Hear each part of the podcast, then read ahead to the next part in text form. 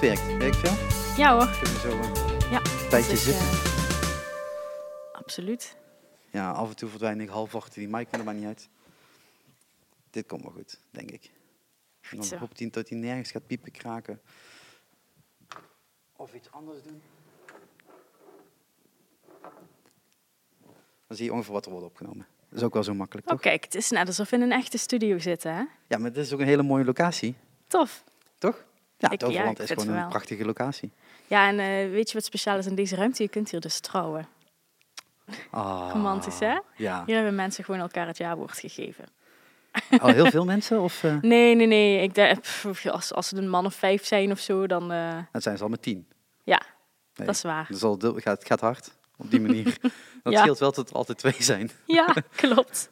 Of, ja, nee, in Nederland mag nee, niet nee, je, meer, je hè? mag volgens mij niet met jezelf trouwen hier. Nee, en ook niet met meer. Dus het is altijd de, de verdubbeling. ja, Ja. Want eh in, in, in, in Toverland is van alles mogelijk, dat klopt. toch? Ehm, ja, laten we maar gewoon eerst een hele saaie introductie doen of zo. Ik doe echt nooit introducties. Maar eh, misschien is het wel even goed om te zeggen wie je bent. Nou, mijn naam is eh, Tessa Maassen. Ik werk bij Attractiepark Toverland als communicatiemanager. Maar zo ben ik niet hier begonnen. Eh, ik werk inmiddels meer dan 15 jaar bij Toverland. Super lang al. eh, 15 van de 17 dan. 15 van de 17 inderdaad. Ja, ja goed, goed bezig. Ja, ik eh, ben begonnen bij de restaurants. Daar heb ik tafeltjes schoongemaakt. eh en eh naderhand mocht ik steeds meer dingen doen. Van de kassa tot broodjes bereiden, tot pizza's bakken. Allemaal heel erg leuk. Eh, daarna ben ik eh, in het entertainment gaan werken. Met name steltlopen vond ik super tof. Want ik ben zelf niet de grootste. En met stelten dan eh, kun je eindelijk eens boven de mensen uitkijken. En ja, wat heb ik nog meer gedaan? Gastenservice, dus mensen ontvangen, de, de winkels. Ik heb ook af en toe de boosterbike mogen vrijgeven als attractieoperator. Dat vond ik stiekem ook wel heel erg cool. Kan ik me voorstellen. En uiteindelijk ben ik op kantoor terechtgekomen. Bij de marketingafdeling heb ik gewerkt. Eh, ik ben entertainment manager geweest en nu dus communicatie. In eh, 30 seconden het hele Mijn levenstraject. gewoon. hele, mijn hele levensverhaal. Ja, Dat ging snel. Eh, ja, nee, dan heb je in ieder geval de intro gehad. Voor de mensen eh, die luisteren en denken, eh, ik wil eigenlijk wel meekijken, dat kan. We nemen dit op. Dus het staat gewoon op Facebook, YouTube eh, en alle platformen waar je wilt kijken. Ehm, want ja, inderdaad, Toverland heeft inmiddels een hele rijke reste- o- historie al. ja, Terwijl, ja, maar dat heb ik anderhalf jaar geleden. Het is ongeveer anderhalf jaar geleden, ja. ja, inderdaad. Ehm, eh, ook gezegd, het zit nog steeds in mijn hoofd als, als dat kleine parkje. Maar dan kom ik hier vandaag aanrijden, ondanks dat het regent. Het is niet altijd zomer in Toverland. Helaas. Eh, heel mooi aanzicht. Met die rollercoasters die je vanuit de buitenkant al ziet. Als je op de parking staat, kun je ze gewoon zien liggen. Ja. Waar heel veel thema- of pretparken dat toch allemaal helemaal verstoppen. En dat je eigenlijk, eigenlijk net niks ziet. Hè? Ja, ja. Hier zie je gewoon vanaf de parking zie je al wat het allemaal te bieden heeft. Wat het allall Ja, kan klopt. zijn. Ja, en eh, ja, je, je zegt het eigenlijk heel treffend, want ehm, we zijn eh, 17 jaar oud, eh, maar heel veel mensen kennen ons nog van de beginperiode, Ja. waarin we inderdaad begonnen zijn met die eerste indoorhal. Ja. Maar inmiddels zijn we zo ver uitgebreid en dat is zo snel gegaan dat eh, lang niet iedereen dat heeft meegekregen. Want eh, die indoorhal, dat is waar we dus ook nu zitten. Een apart ruimtetje erin. Mhm. Eh, dat is normaal verder niet open, dus neem ik aan. Nee, we zitten nu in de ruimte mystiek. eh, die is echt voor conferenties en dergelijke. En eh, voordat de opnames begonnen, toen vertelde ik ook al dat hier mensen ook getrouwd zijn. Dus dit is wel een, ja, een aparte ruimte. Ja, Ja.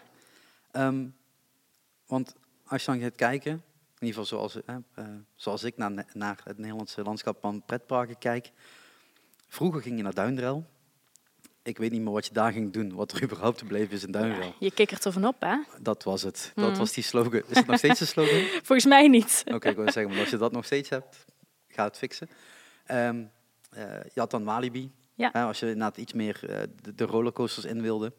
Ehm, maar de grootste is natuurlijk gewoon Efteling. Ja. En de Efteling heeft zich in de afgelopen jaren ook erg doorontwikkeld. Van alleen maar het Sprookjesbos naar een totaal full-size eh twee, drie daags verblijf bijna. Ja, klopt. Ja, het is niet normaal wat zij aan verblijfsrecreatie ook hebben gebouwd. Hè. Eerst het Efteling Hotel, toen Bosrijk. Nu hebben ze ook nog het Loonse Land. Eh, ik ben er laatst wezen wandelen en het ziet er prachtig uit allemaal. Ehm, het is, je, hebt, je hebt 18 miljoen Nederlanders, Mhm. 19 misschien inmiddels ook, ik weet niet hoe snel het gaat. Of wanneer je deze podcast luistert, tijd, tijd is altijd het probleem met podcast. Ehm, dan zat er inderdaad niks richting Limburg. Dan had je dat, dat Tilburgse wel, dat is goed reisbaar vanuit Limburg. Mhm. Maar dan is er 17, of langer dan 17 jaar geleden bedacht, hier moet ook nog iets komen. En als je dan kijkt naar die indoorhal, ik weet niet, was het toen ook al deze afmeting? Of was het... Eh, ja, de, de hallen die zelf, zijn ja. altijd wel deze afmetingen geweest. Ja, Ehm, dit kenden we niet in Nederland. Want iedereen had iets buiten gebouwd. Ja. Toch? dat klopt. Ehm, dus dan zet je iets heel unieks op in Nederland. En als ik dan denk, net over de grens Oberhausen is dat dan hè, voor ons. Dat is Ja. ook buiten. Oh, dat, oh je, of bedoel je Wonderland Kalkar? Nee, die... eh, eh, ik weet even niet. Oh. Centro. Centro ligt in Oberhausen, dat enorme winkelcentrum. Nee, nee, dat pretpark. Die, die Warner Bros. of wat is dat? Oh, Movie Park. Ja, dat ligt in. Botrop. Ja. Ah, Botrop, ook Ja. goed. Ja, die. Eh, en inderdaad, in België eh, het is allemaal ook wel later gekomen. Dus ja, je maakt op dat moment eigenlijk iets, iets unieks wat, wat heel Mhm. Nederland nog niet kent. Ja. In een hele compacte setting. Want Ja. het is niet zo dat je van de ene kant naar de andere kant rent dat je dan moe bent. Ik wel, maar over het algemeen kinderen niet. Die kunnen gewoon de dagen door blijven rennen. Ehm, wat is dan op zo'n moment, als, als dat opgezet wordt, want jij bent eigenlijk vanaf de jonge jaren al bij, je hebt het ook sowieso vanaf dag één natuurlijk gezien. Mhm. Ehm, wat is dan zo'n insteek van zo'n park? Is het dan ook echt zo van, wij willen voor de Limburgers iets maken? Of is het dan ook meteen, we willen voor Nederland, België en Duitsland een indoorpark bouwen? Ja, wellicht is het terug om even eh, terug te gaan naar het begin. Ja. Eh, want Toverland, eh, het is een familiebedrijf, opgericht door een broer en een zus. En de broer, Jean Gelissen, die was ooit een keer met zijn gezin in het Steinerbos. Het Steinerbos, dat is een buitenspeeltuin in combinatie met een zwembad in Stein. En hij had al een goed lopend bouwbedrijf en hij wist dat hij een tweede bedrijf wilde gaan openen in de leisurebranche. En, en ja, hij was in het Steinerbos. Het weer was heerlijk, lang niet zoals vandaag met al die regen. Eh, en eh, ja, er, er zaten dus veel mensen in het zwembad. Er was een hele lange rij voor de ijskraam. Maar op een gegeven moment begon het super hard te regenen. En wat zag hij toen gebeuren? Iedereen pakte zijn spullen en binnen een half uur was dat hele park leeg. Dus Ja. toen dacht hij, als ik iets ga doen in deze branche, dan moet ik ervoor zorgen dat het weer zonafhankelijk is. Zodat iedereen altijd in alle weersomstandigheden lekker door kan gaan. Eh, dus toen bedacht hij, oké, ik wil een indoor attractiepark bouwen. Er moet een achtbaan in. En eh, met dat idee is hij toen naar zijn zus, Carolien Kortooms, gestapt. eh, en heeft haar gevraagd om eh, dat samen met hem op touw te gaan zetten. En zo is dat ook gebeurd. En wat betreft de locatie wisten ze eigenlijk al wel snel dat ze in Limburg dat wilden doen. Het liefst zelfs in Stijn, bij het Steinerbos. Oké, oké. Maar uiteindelijk ja, zijn ze ook verder gaan kijken. Want bij Steinerbos was er een, een andere partij die het alleen recht op horeca had. En horeca-inkomsten zijn gewoon super belangrijk voor een Mhm. Attractiepark. Dus eh, uiteindelijk in Midden-Limburg gaan kijken. Zelfs nog eh, op de plek in Landgraaf waar nu Snowworld en eh, Oké, oké. Snowworld ligt. eh, en uiteindelijk hier in Zevenum terechtgekomen omdat deze plek en heel veel uitbreidingsmogelijkheden heeft. We kunnen echt zo groot worden als de Efteling. Dat is meer dan 70 hectare. Eh, en het is gewoon heel erg fijn on- ontsloten. Je zit heel dicht bij de snelweg. Mhm. Ook heel dicht bij eh, Duitsland, dicht bij België. Dus eh, het bieden heel veel ja, kansen om door te groeien. Ehm, je zegt al, de, de ligging is echt perfect. Ja. ik ben vandaag over het veer gekomen. Over het veer, oh wat leuk. Ja, ja, vanuit Reuver is dat. Ik was echt zo'n tellen, ik denk 27 minuten als ik niet over het veer ga. Misschien doe ik er net zo lang over als ik wel over het veer ga, maar dan voelt dat korter, want vanaf Kessel is het een kwartier of zo, 20 minuten. Ja, en het veer is gewoon leuk. Ja, maar op zo'n regen, regenachtige dag valt het eigenlijk wel mee. Ja, dat is waar. Maar eh, nee, maar dat is natuurlijk ook wel van, inderdaad, van je kunt vanuit heel Limburg, maar ook zelfs ver daarbuiten gewoon heel snel, heel makkelijk hierheen komen. En als ik dan kijk naar van hoe je dan deze bocht eigenlijk indraait, Mhm. tot die bocht is ook niks te zien. Ja. Er staat wel een paar keer aangegeven, Toverland is die kant op, gelukkig. Maar Mhm. verder is het inderdaad niet. Ja, het is echt verscholen in de bossen, hè? Ja, het is een heel Ja. mooi om, om, omgeving waar je dan inderdaad de vrijheid krijgt ook om te groeien en, en eh, door te ontwikkelen. Ja. Ehm, maar dan ben je dus 17 jaar geleden, dan heb je een, een, een, een indoor eh, park gebouwd, Mhm. ehm, waar dus de grote niet over nagedacht heb. Hè. Ja. Eh, we zijn alle twee fan van, eh, van Disney. Hè. Oh, absoluut. En ehm, ja, daar is inderdaad, je staat in de regen. Af en toe inderdaad, als je naar een rij staat, mag je misschien naar binnen. En dan kun je daar een beetje schuilen. Maar als je Mhm. gewoon echt buiten buiten staat.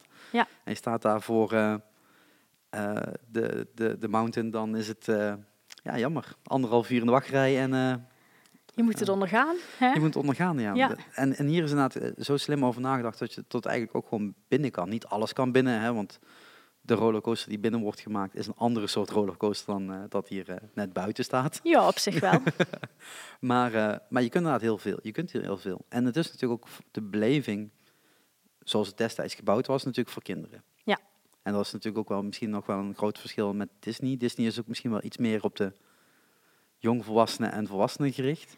Ja, ja als, je, als je kijkt naar het begin, naar de Ja. eerste hal, het land van Toos, die is ook echt ingestoken op kinderen in de basisschoolleeftijd en hun ouders, Ja. eh, dan wel opa's en oma's. Ja, Carolien was destijds ook basisschoollerares, dus die doelgroep lag helemaal binnen haar handbereik. Ze hebben en natuurlijk zelf heel veel marktonderzoek gedaan en zijn heel veel attractieparken over de hele wereld gaan bezoeken. Maar ze hebben ook heel dicht bij huis gewoon gevraagd aan de kinderen, welke attracties willen jullie zien? Maar ook aan de ouders gevraagd, wat vinden jullie belangrijk? En dan komen er hele ant- andere antwoorden, zoals eh goede koffie tegen een goede prijs, eh, schone toiletten, overzichtelijk, genoeg zitgelegenheid. En dat allemaal is eh, ja, in een toverhoed gegoten en daar is Toverland dan uit tevoorschijn gekomen. Ik denk dat ze die vraag nooit gesteld hebben bij Disney, wat de prijs moet zijn. Nee, dus dan denk ik, dat is goed ook. 104 euro. Oh, Eh, oh, de entreeprijs. ja, Ja, de, de entreeprijs. ehm, ik vind het eigenlijk wel meevallen. Maar dat is mijn mening. Ik vind Ja, sowieso dat heel veel dingen te goedkoop zijn. ik vind op zich Ja. dat we in Nederland hele eh, schappelijke prijzen hebben voor de attractieparken. Als je kijkt naar Duitsland, eh, dan zit een, een Fantasialand, een Europa Park, die zitten allemaal rond de 50 euro, denk ik. Hè? Ja. En, eh, en als je dan kijkt de Efteling, ja, 38 euro. Die mag ook echt wel 50 euro vragen. Ja, voor het gebied wat ze nu Ja. hebben inderdaad. Ja. Eh, eh, ik was heel even snel bij jullie aan het kijken. Maar ik Mhm. weet alleen de winter is 18 euro. Ja, de winter is 18 euro Ja. inderdaad. En de zomer eh, was het afgelopen seizoen 32 euro. Ja, maar dat is nog steeds gewoon te doen. Want je bent niet alleen. Dat is een beetje het hele issue natuurlijk in zo'n Ja. teampark. Het is, je moet meestal drie, vier, misschien wel vijf tickets kopen. Ja, dat klopt. En dat is natuurlijk inderdaad bij Disney ben je opeens op 500 euro. Ja. Of 400 euro of 300 euro, net afhankelijk van hoeveel je bent. Maar dat Mhm. tikt inderdaad wel heel snel heel hard aan. Ja. Ehm, jullie hebben in die 17 jaar eigenlijk heel slim neergezet van oké, hoe willen we doorgroeien? Dat Ja. vind ik in ieder geval hè, Mhm. wat ik daarvan meekrijg. meekrijg. Ehm, heel, heel slim geïnvesteerd op iedere keer. We gaan gewoon een klein stukje erbij. En weer Ja. een klein stukje erbij. En dan komt er dit iets unieks. Dan hebben we weer iets te vertellen wat voor jou. Ja, wat Natuurlijk voor mij heel belangrijk is. Ja, ja. Eh, niet alles in één keer. Ehm, hoe, worden zo'n beslissingen genomen? Hoe zit dat? Is dat gewoon letterlijk naar je budget kijken en zeggen van nee, we hebben geld voor een rollercoaster, er komt weer een rollercoaster? Of is het een, een, een lange termijnsplanning van hey, we zijn nu op dit moment hier, we hebben die hal, maar we willen eigenlijk ook wel iets buiten gaan doen. En dat moeten niet alleen maar zitplaatsen zijn, dan moet ook nog iets meer zijn. Ja, het, het is echt wel eh, een, een aldoende leert men proces geweest. Ik denk dat het heel gezond is voor Toverland dat we zo'n organische groei hanteren. Het moet ook wel, want we zijn een familiebedrijf met heel, eh, ja, er zit heel veel eigen vermogen in Toverland. En dan, ja, dan moet je met investeren gewoon ook eh, steeds even wachten. Maar als ik kijk, ja, het begon dus met het Land van Toos. In de eerste zomer zat het al een keer vol. En toen hadden Johan en Caroline zoiets van, oh, wat tof, we moeten gaan uitbreiden.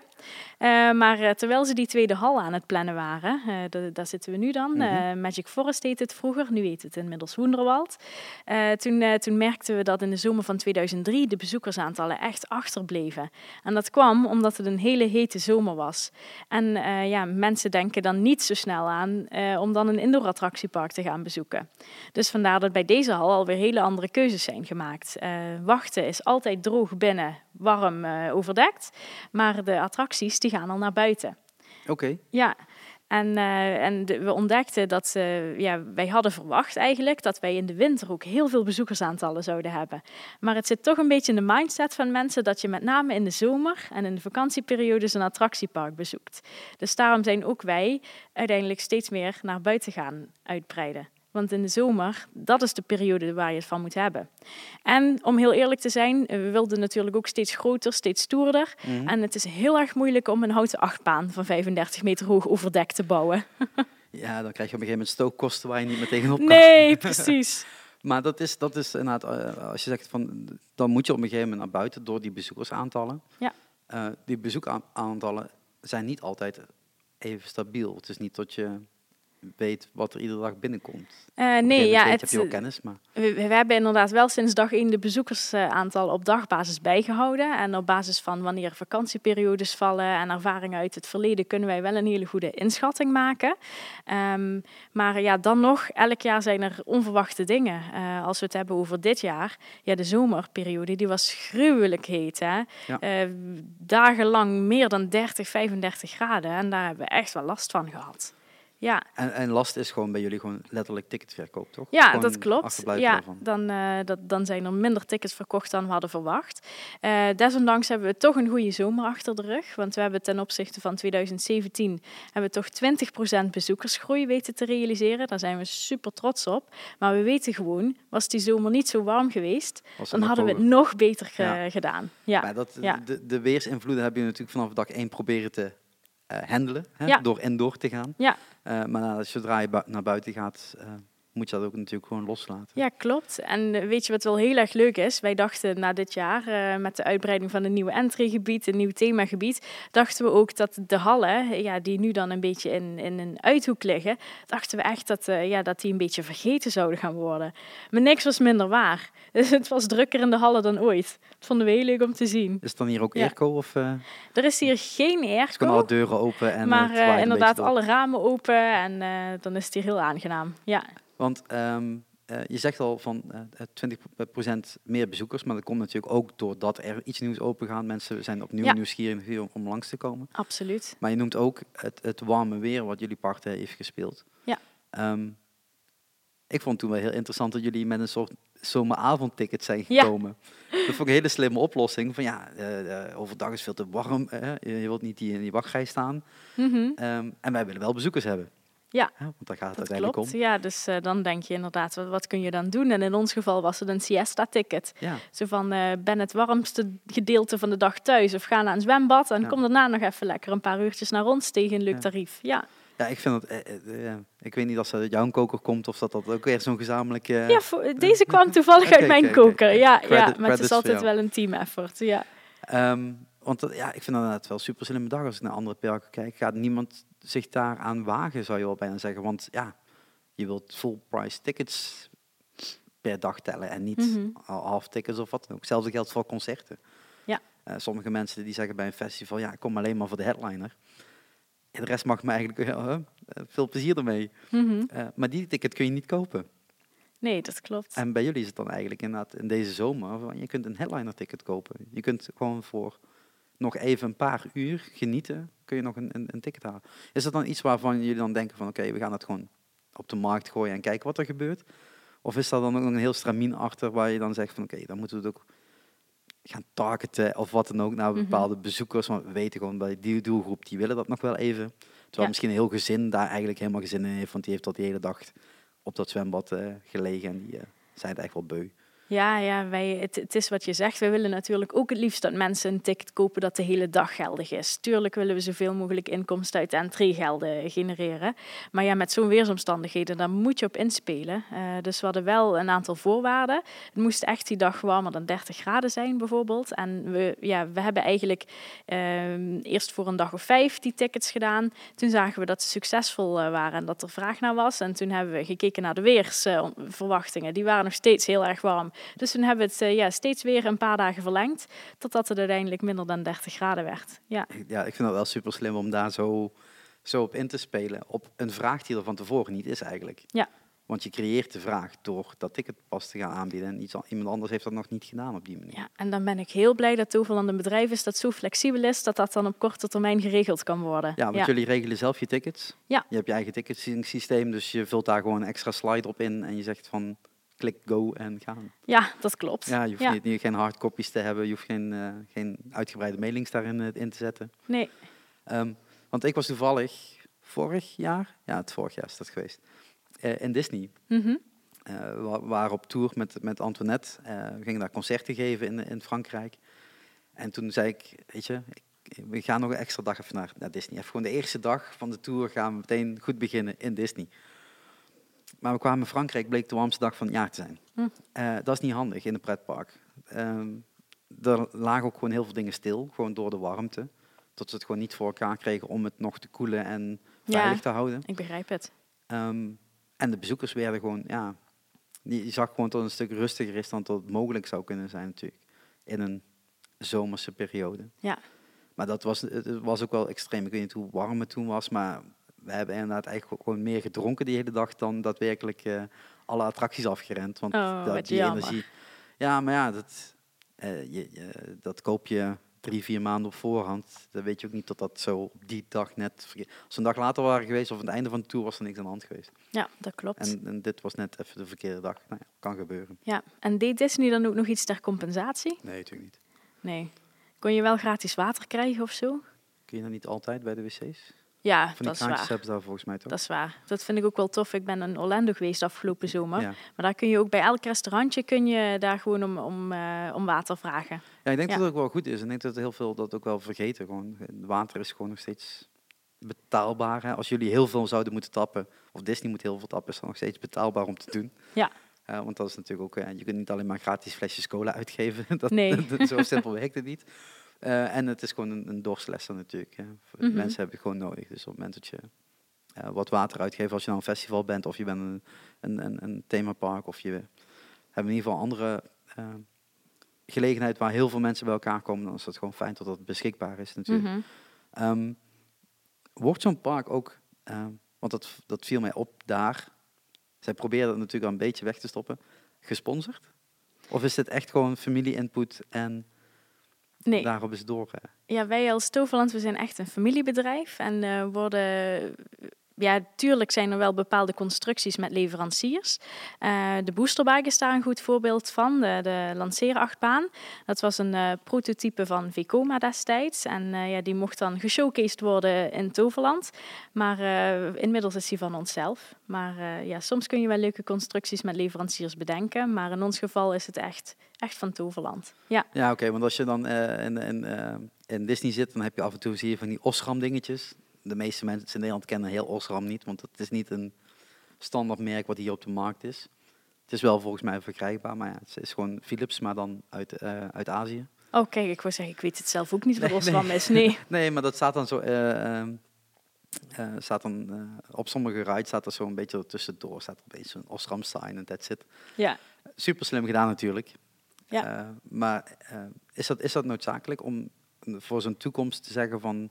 Hey, we moeten misschien wel grotere sponsors binnenhalen? Of kun je inderdaad een heel bedrijf zoals Mhm. dit uitbreiden op, op inkomsten?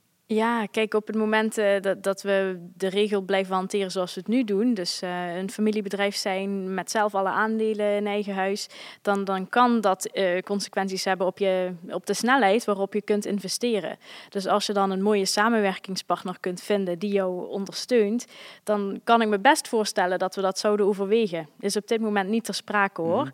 maar ik denk even aan Europa Park. Dat is voor Toverland een heel groot voorbeeld. Het is ook een familiebedrijf. Ik weet niet of jij er ooit al geweest ja, dat, eh, lang, lang geleden denk ik. Lang Ja. geleden, eh, want die hebben bijvoorbeeld ook met de Blue Fire, een van hun acht banen, hebben Mhm. een samenwerking met Gazprom, Ja. een, een Russisch energiebedrijf geloof ik. Ja. En ja, dus daar doen ze het ook. Dus ja, wellicht gaan wij het ook ooit doen, geen idee.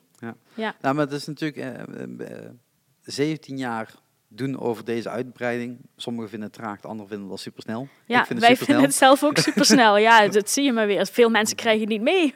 Nee, Ja. eh, dat. Maar Ja. het is ook veel gezonder om het eh, stukje bij beetje te doen dan opeens...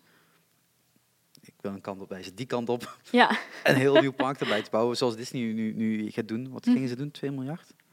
oh ja, Weet ik veel, eh, niet normaal. En op, twee nieuwe parken komen er eh 2020 tot 2023 of zo worden even bijgetikt.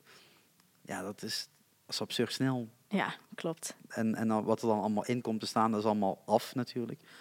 Hoe is dat? ehm, eh, wat zijn jullie voorbeelden? Want je zegt al, eh, Europa-land kijken jullie natuurlijk naar. Mhm. Maar is het ook echt gewoon iedere keer opletten wat, wat, wat Efteling doet en wat Duinderel doet en wat, uh, wat Walibi doet? Of is het gewoon, hey, wij zijn wij en wij doen blijkbaar het goed, hè? Mhm. want het loopt lekker en het gaat lekker en eh, we kunnen toffe dingen doen? Of is het ook echt gewoon niet met jaloezie kijken naar andere parken van, dat willen we ook? nou, weet je, ehm, ja, de Efteling, dat, dat is gewoon het nummer één park van Nederland. Laten we daar heel eerlijk over zijn. Het is uh, 65 jaar oud, uh, iedereen kent het. Uh, en ik ben soms echt wel een beetje jaloers op de Efteling. Hè? zeker als ik zie hoeveel media-aandacht ze altijd voor alles kunnen krijgen. En dan denk ik van, oh, dat wil ik ook. Maar ik moet me ook realiseren dat, dat wij als Toverland pas 17 jaar oud zijn. En dat het, ja, dat het soms nog niet helemaal kan op die manier. wij zijn ook nog geen Efteling. Wij willen wel met onze uitbreidingen natuurlijk het kwaliteitsniveau van de Efteling evenaren, absoluut. Maar uh, ja, we moeten ons niet vergelijken met de andere parken uit Nederland dan wel uit het buitenland. Alhoewel het wel, denk ik, heel gezond is om goede ambities te hebben. Dat, dat, dat sowieso, dat klopt. Ja. Um, maar is, dat, is, het, is er iets wat, wat jullie... Um ik weet niet hoe dat werkt in deze industrie. Binnen, binnen festivals en, en, en, concerten wordt heel veel gekopieerd. Mm -hmm. want als iemand een reuzenrad op zijn, op zijn uh, terrein zet, dan staat er het volgende jaar op een ander uh, festival ook een reuzenrad. Want ja. ja. dan moet dat er ook bij. Uh, werkt dat zo ook? Is het ook echt zo van, hey, jullie hebben een rollercoaster gebouwd, dan gaan wij ook kijken zien wat mogelijk is. En ja, ik denk juist dat, uh, dat, dat als het ene park het ene type rollercoaster bouwt, dat het andere park dan weer een ander type rollercoaster ja. gaat bouwen. Als je naar de afgelopen jaren kijkt, dan heeft de Efteling Baron 1898 gebouwd, mm -hmm. uh, zo'n uh, divecoaster. Ja. wij hebben inmiddels Phoenix, een wingcoaster. Mm -hmm. Walibi gaat volgend jaar flink uitpakken met die RMC, de een hybrid houten slash stalen okay. coaster. Dus ja kijk, uiteindelijk, ja, veel attractietypes komen uiteindelijk wel op hetzelfde neer. Je hebt of een achtbaan of een dark ride of een Ja. waterattractie.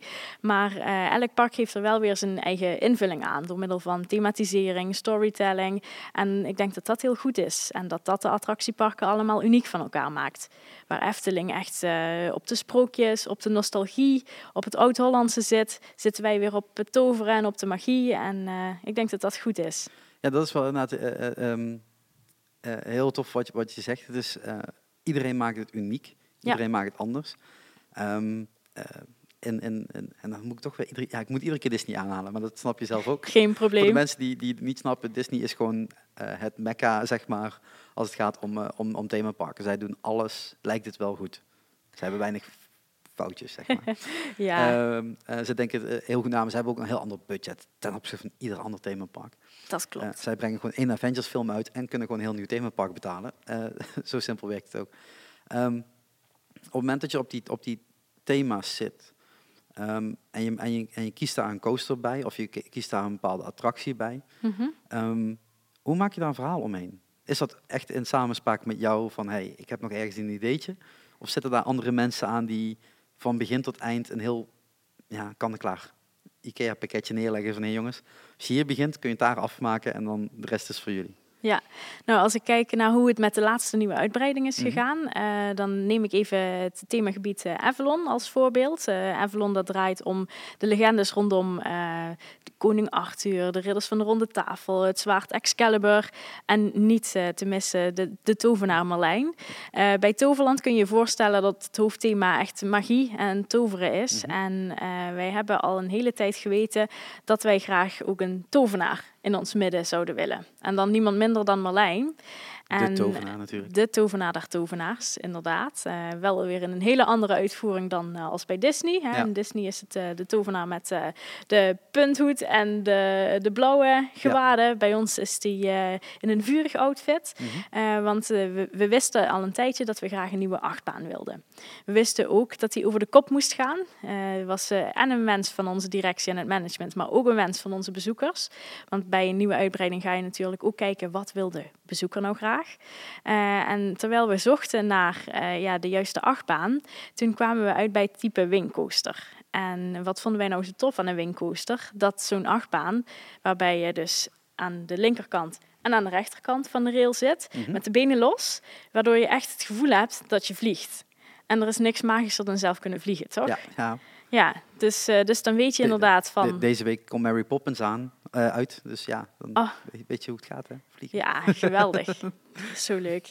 En nu zit het liedje van Supercalifragilisticexpialidastis eh, zit nou in mijn hoofd. eh, maar sorry, eh, sorry. geen probleem. Maar dus dan weet je, oké, je, je begint eigenlijk met het uitgangspunt van, oké, we willen weer iets rondom het thema toveren. We willen een achtbaan. We vinden een achtbaan waarin de vliegervaring centraal staat. En dan heel spontaan, ja, eigenlijk op het vliegveld, toen we terugkwamen van een zakenreis, kwam de naam, kwam Phoenix. Toen dachten we van ja, dat is hem. En eh, dan ga je Phoenix inpassen in dat verhaal. Phoenix is eh, ja, een vuurvogel die Mhm. eens in de 777 jaar uit zijn eigen as herrijst.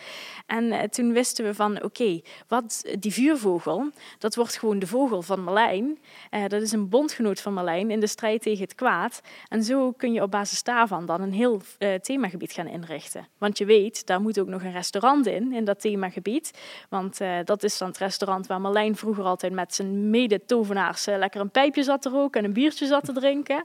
En dan moet er nog een attractie bij die geschikt is voor het hele gezin. Want we weten ook wel dat nog lang niet iedereen groot genoeg eh, voor Phoenix is of er überhaupt niet in durft. En je wil wel dat dat themagebied voor iedereen aantrekkelijk is. Hè? Eh, En toen kwam ook nog het idee voor, idee voor de bootattractie. Een rustig ritje, maar wel voor de allereerste keer met een dark ride gedeelte erbij. Dus dat we echt door middel van indoor scènes ook dat verhaal van Avalon verder konden gaan vertellen. Mhm. En in dit geval was het dan het verhaal waarbij Marlijn eh, op zoek ging naar Tirna nog, de bron van het eeuwig leven. En als bezoekers ga je dan ook echt op quest, op kweesten. Eh, en ja, wie weet vind je Tirna nog dan. Ja, ik vind, dat, ik vind het heel bijzonder hoe je dan daar, hè, buiten het feit dat je dan op een vliegveld opeens hè, al die puzzelstukjes bij elkaar zi- ziet komen. Dat Ja. gebeurt meestal niet op een, op vliegveld. Mhm. Ehm, maar dan is, moet, hoe moet je dat dan aanpakken? Is het dan letterlijk van, oké, we wisten tot daar een coaster moest komen. Dan is het Vekoma bel of wie is de leverancier van deze? Eh, B&M, Bolliger en Mabillard. de, de, Ja. de twee grote op, op deze aardbol die dingen, eh, die coasters maken. Mhm. Ehm, is het dan inderdaad gewoon eh, met hun bellen en zeggen van jongens, we hebben een ideetje? ja. Of is het, is het een catalogus pakken en die? Ja, we hebben, we hebben inderdaad een heel projectteam samengesteld om die bouw eh, te gaan begeleiden. We hebben een afdeling Imagineering. Eh, tegenwoordig is het eh O&O geworden, ontwikkeling... Nee, ik weet, sorry, ik weet niet meer waar O&O voor staat, maar in ieder geval, ja, de, de- het initiatief ligt bij de eh, Imagineering. Eh, Mhm. dan hebben we een hoofdontwerper die eigenlijk eh, sfeerimpressies gaat maken. Die sfeerimpressies die gaan vervolgens naar een architect die er ook echt een bouwkundig ontwerp van maakt. Mhm. En vervolgens gaan ze naar de volgende in de rij. En dat is dan Nikki. Nikki die kleurt dan alles in. En die zorgt ervoor dat het totaalplaatje gaat kloppen. En ja, dan heb je dus aan de ene kant heb je het vormgevingsproces. En dan zoek je natuurlijk ook partijen die dan dat ook daadwerkelijk voor je kunnen gaan bouwen. Ehm, wij hebben het geluk dat het zusterbedrijf van Toverland, Gepla, dat dat eh, een bedrijf is dat voor ons ja, de, de hoofdaannemer was tijdens de bouw. En dan, eh, dan zorgen zij voor de ruwbouw en dan gaan andere partijen gaan het dan qua thematisering afmaken. In Avalon hebben we heel veel gewerkt met rotsen bijvoorbeeld. Nou, er is een partij die blinkt uit in het maken van rotsen. Ze heet ook Universal Rocks. Oké. En eh, ja, ze hebben niet alleen de rotsen bij Toverland gemaakt, maar ook bijvoorbeeld de rotsen bij eh Fantasialand in het gebied waar Taron staat, Ja. eh, hun laatste nieuwe achtbaan. En ehm, ja, als je dan kijkt naar het geval van de achtbaan, het is dus daadwerkelijk zo dat je dan B&M opbelt en zegt, wij willen graag een achtbaan van jullie. En ja, Peter, Peter van Holstein, dat is onze hoofdontwerper bij Mhm. Imagineering, die is toen op basis van hoe het gebied er hier uitziet gaan tekenen en heeft samen met B&M dat achtbaanontwerp opgesteld. Ja, Dus het, is, het, komt het komt ook echt van jullie hand op zo'n moment. Dus. ja, Ja, Ja. het is de, hè, niemand gaat shoppen voor rollercoasters. Ja. Het is niet dat je thuis even denkt, ja, nou, ik pak nu eens even het andere boekje. Ja, Ja, het nou- boekje aan de kant schuiven en we pakken de voorkomen af te B. eh. ja, wij zijn dus op die, op die zakenreis eh, waarbij we op het vliegveld die naam bedachten. Toen zijn wij, eh, wij hebben een bezoekje gebracht aan Heidepark. Daar hebben we de, de windcoaster Vloek der Demonen gedaan. We zijn ook naar, eh, waar was dat, Eh, Spanje, ja, Italië, wellicht Milaan, Italië. Nee, Spa- Eh, Italië. ja, ja, ja, eh, we zijn naar Gardaland geweest om daar de Windcoaster Raptor uit te proberen. En we hebben eigenlijk gekeken van, nou, wat vonden we gaaf van Raptor? Wat vonden we gaaf van Heidepark? En wat willen we verder nog meer? En ja, op basis daarvan, dan stel je inderdaad je eigen achtbaan samen. Wacht, wacht. Jij bent daarheen gegaan. Wie is er nog meer heen gegaan? Eh, Peter was Ja? er natuurlijk bij eh, en een aantal leden van de familie en van de directie. En is, staan jullie dan echt in die rij gewoon alleen maar te kijken? Is Ja, het echt gewoon, gewoon kijken, kijken? Of is het dan, we gaan deze drie keer doen. De eerste keer gaan we kijken. De tweede keer gaan we voelen. En de derde keer gaan we klagen over van alles wat, wat we anders willen. Nou, hoe het eigenlijk ging, is dat we, eh, wij gingen op zakenreis om te kijken of de Wingcoaster inderdaad het ideale achtbaantype voor ons zou zijn. Dus eh, we gingen eerst naar Gardaland eh, en dan, dan ga je dus Raptor doen. En dan ga je kijken, ja, wat vind ik nou van zo'n Wingcoaster? Is dat inderdaad wat wij willen? En bij Raptor vonden we de layout prachtig. Eh hij ligt ook helemaal verweven daar in een natuurlijk gebied. Dat vonden we super gaaf, maar we vonden eigenlijk wel dat die achtbaan nog wat pit miste. Dus op dat moment twijfelden we nog wel een beetje. Eh, maar vervolgens toen vlogen we door naar Heidepark. En Vloek der Demonen, dat is een hele pittige windcoaster. En toen wisten we van ja, het is en de layout die we willen, maar de achtbaan heeft ook de pit die we willen. Dus eh, op dat moment hebben we dan eigenlijk gezamenlijk besloten dat dat inderdaad de achtbaan zou zijn waar we voor wilden gaan. Ja, En dan, en dan wordt er dus een heel thema omheen ge- ge- gemaakt. Ja. Hè, alleen al om die, om die coaster te krijgen. Of in ieder geval Mhm. dat op de juiste manier eh, zichtbaar wordt. Ja. Ehm, je, eh, hè, in het begin zei je al van het is belangrijk dat mensen eh, eh, drinken. Want niet alleen de ticketprijs, maar ook eh horeca-inkomsten zijn belangrijk voor, zo'n, Mhm. eh, zo'n, eh, voor ieder park. Ja. Ehm, wordt dan ook meteen gedacht aan merchandise? Hoe kunnen we dat, kunnen we dat verweven? Is dat ook meteen een- zo'n zo'n onderdeeltje van het geheel? Oh, absoluut. Absoluut. Want eh, ja, Phoenix, eh Marlijn, dat gaf ons echt heel veel mogelijkheden. We hebben een hele toffe merchandise-lijn ontwikkeld met eh, onder andere truien en caps en eh, schutbollen, boeken, ik weet niet wat allemaal. En op de openingsdag hebben we in één dag net zoveel truien verkocht als normaliter in een maand. Dus toen wisten we dat we wel goud in handen hadden. Ja, en jullie hebben ook nog een, een kersttruienactie, zag ik, voorbij Ja, komen. Klopt, Als we het over inderdaad. truien hebben. Ja, Eh, maar jullie luisterden net te laat, denk ik. Ik weet niet tot hoe Ja. lang die actie loopt. ja de maar- actie is helaas al Ah, Oké, afgelopen. is al helemaal ja, afgelopen. ja, Eh, wie weet, voor volgend jaar. Die Absoluut. Nee, maar ehm, dat is ook wel dus een belangrijk onderdeel om meteen in mee te nemen. Ja, ja. Eh, Dus eigenlijk wordt er niks aan het toeval overgelaten. Alles Nee, wordt ja. van tevoren wel nagekeken, gecheckt, gevraagd, getest.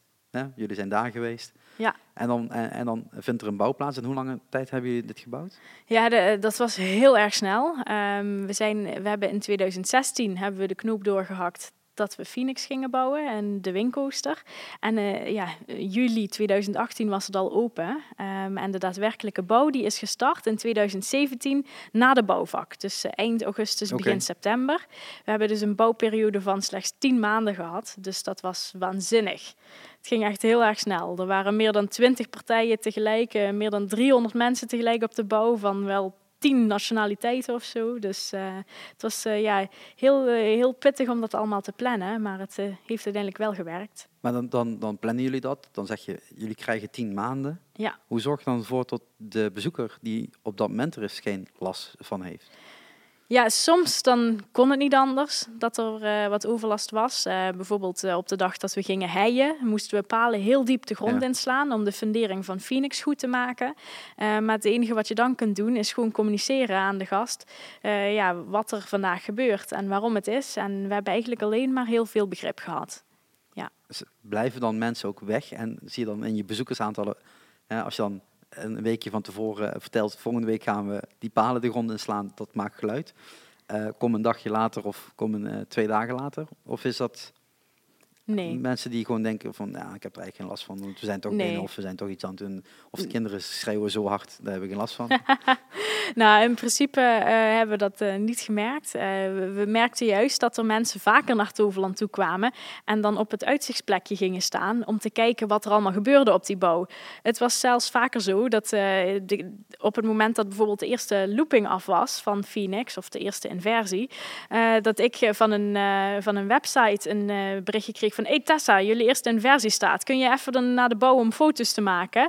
Dat de, de, de fans hadden sneller in de gaten wat er gebeurde dan ik. Ja, er was elke dag wel iemand. Ik wil nu de website zeggen, omdat het toevallig dan bij een looping hoort. Maar Ja, dat- Dus- ik denk wel dat het inderdaad loopings met eh, drie O's was. Ja. het was niet verticaal gaan van Ralf. Nee. Oké, oké.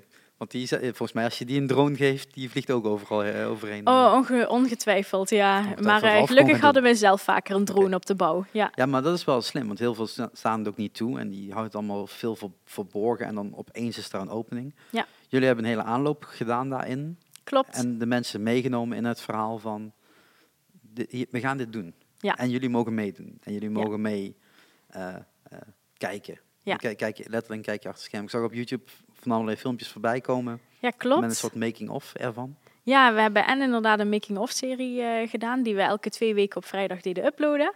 Eh, maar ik heb ook regelmatig bouwrondleidingen voor de, voor de fans georganiseerd, zodat de mensen gewoon zelf met eigen ogen konden zien wat voor een mooi stad we wel niet aan het bouwen waren. En eh, ja, weet je, je doet dingen voor allemaal verschillende doelgroepen. Hè, de fans die wilden vanaf dag één weten wat er te gebeuren stond. Terwijl de, ja, de gemiddelde Nederlander die het af en toe leuk vindt om een attractiepark te bezoeken, die hebben we pas in de twee weken voorafgaand aan de opening echt over alles geïnformeerd. Ook deels omdat we uitstelgedrag wilden voorkomen. Je wil niet dat in de eerste helft van 2018 de Mhm. bezoekers niet komen omdat ze allemaal wachten. Dus eh, ja, Iets waar Disney nu ingaat, eigenlijk. ja, Want zij weten hè, dat het, zoveel jaar bestaan is geweest, eh 90 jaar eh, Mickey is gevierd. Nu gaan we bouwen. en nu? Ja, En, en eh, hoe gaan we nu tickets verkopen? Ja, En, dat is natuurlijk wel essentieel, tot dat niet opeens je park leeg loopt. ja. En tot mensen inderdaad zeggen van wacht nog even een halfjaartje, want dan staat er opeens iets, eh, iets extra's en dan, dan, dan komen we pas. Ja. Ehm, ja, de fans die willen weten welk boutje erin gaat en die willen weten eh, hoe lang het schroefje is aangedraaid. en allemaal Mhm, van dat Die soort willen dingen. de trek van Phoenix aanraken. Ja. ja. Ja, eh, en ehm, dat is iets waar jij natuurlijk ook vanuit je, je podcast-interesse natuurlijk ook heel veel hoort en, en de websites leest over wat er, wat er speelt. Mhm. Ehm, merk je dan tot je, tot je daarin uniek bent? Tot je dan iets extra's biedt wat andere parken ook echt niet durven te bieden of niet zullen gaan bieden? Kijk, bij Disney gaat dat niet gebeuren. Dat is gewoon één groot bouwput waar een heel groot hek omheen staat. En dat, dan mag je blij zijn als je lang bent eh, en, en er net overheen kan kijken. Maar, Ja, hetzelfde geldt natuurlijk voor Fantasialand. ja. Alhoewel ze Ja. natuurlijk eh, net gisteren mooi nieuws naar buiten hebben gebracht over een hotel dat ze in een nieuwe themagebied Oh, gaan bouwen. gemist. Ja, in Rookburg. Ja, er komt een hotel midden in het park, eh, bij de nieuwe achtbaan. Fly, of hoe wij ook gaat eten. Ja.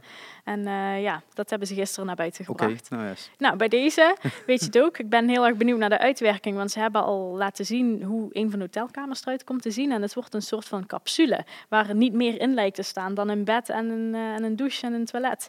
Dus, eh, De Japanse manier. Ja, we gaan het zien. Maar eh, ja, wat ik merkte bij Toverland is, is dat het enorm gewaardeerd werd. De openheid en het feit dat, eh, dat mensen werden uitgenodigd om de bouw ook van dichtbij te komen bewonderen. Dus ik ben heel blij dat we het op die manier hebben aangepakt. Ja, Ehm, maar jij bent dan ook het gezicht. ja. Is dat een bewuste keuze? Of is dat gewoon, eh, ik kijk rond en Peter is te druk en die is te druk, ik, ik moet het doen? Of is het ook echt zo van, ik vind het ook echt wel heel leuk om weer terug die werkvloer op te gaan? Want je zei al, je bent begonnen op die werkvloer, Ja. maar daarna richting een kantoorjob. Mhm. wat betekent dat je wat minder over de vloer natuurlijk. Ja, ja het, het was wel een hele bewuste keuze. En ik heb tot nu toe eigenlijk niet verteld dat eh, de, de, de, zus in het verhaal van de broer en de zus, Carolien Kortooms, dat dat mijn moeder is. En dat betekent dus dat ik ook lid ben van de Toverland-familie. Dat ik hier letterlijk ben opgegroeid. Toverland opende toen ik elf was. En inderdaad, toen ik, sinds mijn dertiende had ik genoeg gespeeld. En toen wilde ik centjes gaan verdienen. Eh, en eh, we wilden meer gaan uitdragen dat Toverland een familiebedrijf is. Dus als een lid van de familie dan ook het gezicht van Toverland is, dan is dat wel een hele mooie match.